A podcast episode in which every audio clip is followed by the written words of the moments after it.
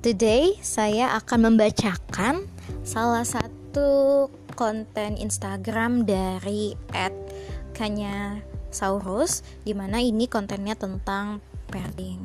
Kenapa ya kalau misalkan anak itu uh, kalau dilarang uh, suka malah iseng lakuinnya padahal sudah dilarang.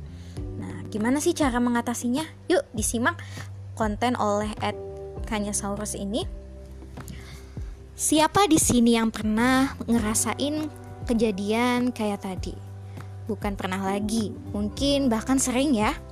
Anak yang menginjak 2 tahun bikin uh, saya alias si penulis tadi ya, si Kanyasaurus pengen share soal ini.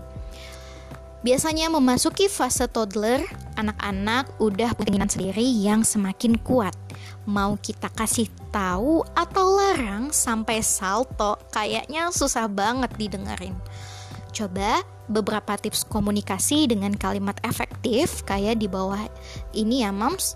Nah, yang pertama, gunakan kalimat yang lebih positif Nah, jadi anak itu lebih bisa menangkap kalimat positif yang disertai alasan daripada melarang uh, contohnya ya jangan main air. Bisa diganti nih dengan kata-kata seperti ini yang dimaksudkan uh, dengan memberikan kalimat positif plus alasan. Nah kita ma main yang lain aja yuk.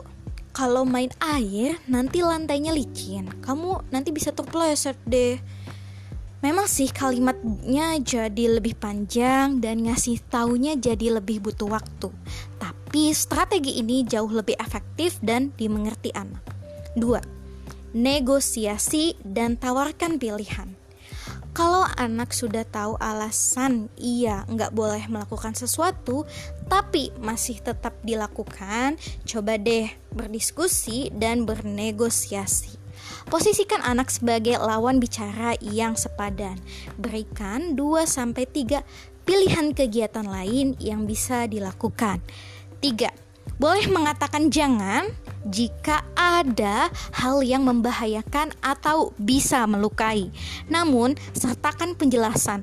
Seandainya tindakan anak berbahaya, bisa langsung angkat anak dan pindahkan ke tempat lain. Baru lakukan diskusi atau arahkan ke permainan serupa di tempat yang lebih aman. Misalnya, sediakan tempat anak bermain air di halaman rumah. Jangan lupa jelaskan mengapa hal tersebut berbahaya juga ya.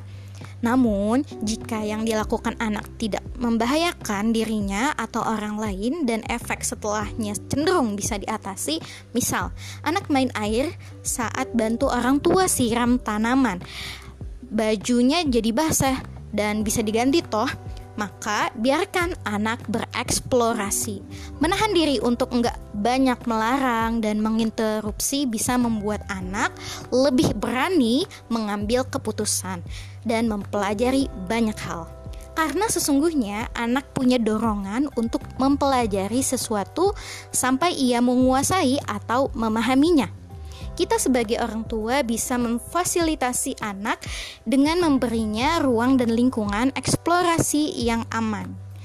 Dan uh, tadi adalah konten tips parenting yang disampaikan oleh Ed Kanya Saurus. That's all. Have a nice day.